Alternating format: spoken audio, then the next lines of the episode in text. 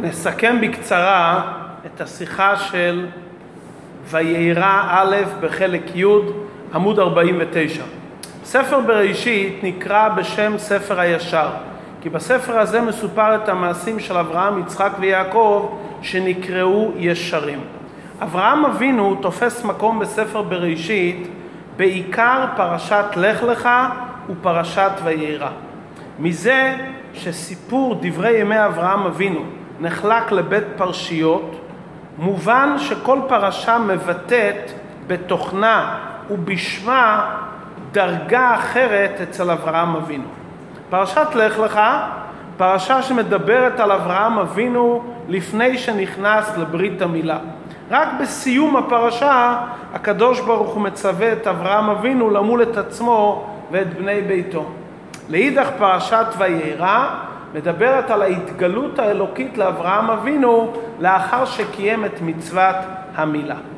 מבאר הזוהר הקדוש שעד שאברהם אבינו לא נימל הוא זכה לדרגה של נבואה רק בבחינת מחזה. כנאמר בפרשה היה דבר השם אל אברהם במחזה. לאחר שאברהם אבינו מל את עצמו הוא זכה לגילוי אור אלוקי ויירא אליו השם. המילה מחזה זה מילה בארמית. מלאכי השרת אינם נזקקים ללשון ארמית, כלומר אינם מתעניינים בשפה זו. ולכן הקדוש ברוך הוא התגלה לאברהם אבינו במחזה כדי שלא יהיה פתחון פה למלאכים.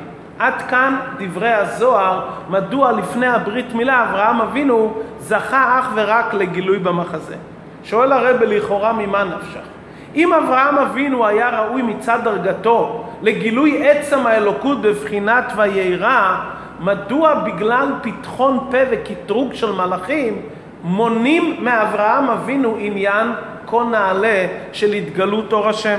ואם אברהם אבינו לא היה ראוי לדרגה כזו, מה צריכים להגיע לנימוק בזוהר הקדוש שבגלל פתחון פה של המלאכים שיאמרו שהקדוש ברוך הוא מתגלה לאברהם לפני שנימול לכן מנע הקדוש ברוך הוא מאברהם את הגילוי של ויירא אלא התגלה אליו רק במחזה.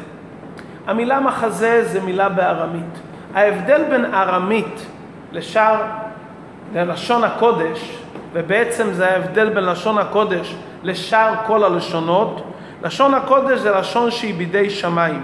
היא נמשלה לאבנים שגם הם ברייתם בידי שמיים. שאר הלשונות הרי הם לשונות הסכמיים שנבראו על ידי בני אדם. שפתם מוסכמת על ידי בני אדם. לכן שאר הלשונות נמשלו ללבנים, שלבנים הם בידי אדם ביחס לאבנים שהם בידי שמיים.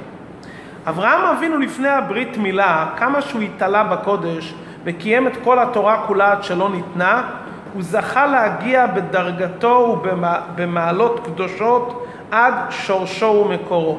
כי העבודה של נברא בכוח עצמו לפני ציווי, הוא יכול להגיע רק לשורש נשמתו, לשורש הנבראים. לאחר שאברהם אבינו קיים את הציווי למול את עצמו, הוא זכה להתבטל ולהתאחד עם הקדוש ברוך הוא בעצמו, מצווה המצווה, ולכן אז הוא הגיע למעלה משורש הנבראים.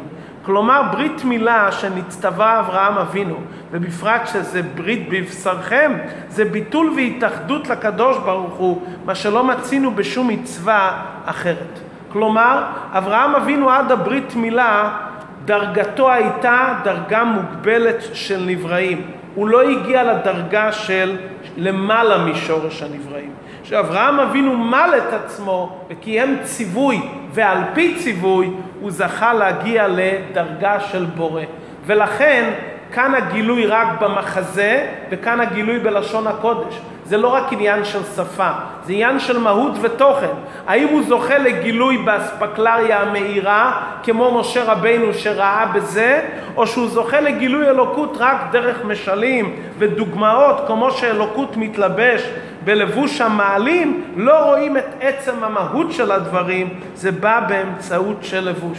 זה היה ההבדל בין הברית מילה עד הברית מילה ולאחר הברית מילה.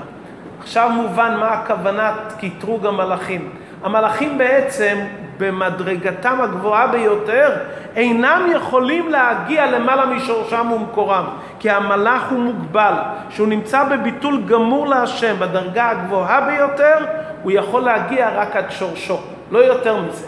יהודי אבל מאז מתן תורה, שזכינו לקבל את התורה, שיהודי מקיים תורה ומצוות נשמה בגוף עם יצר הרע, ודווקא בעולם הזה הוא מתחבר למהותו ועצמותו של הקדוש ברוך הוא, מעצם קיום הציווי ומעצם היותו נשמה בגוף וקיום המצוות בגשמיות, יש בכוחו להתחבר לעצמות אינסוף.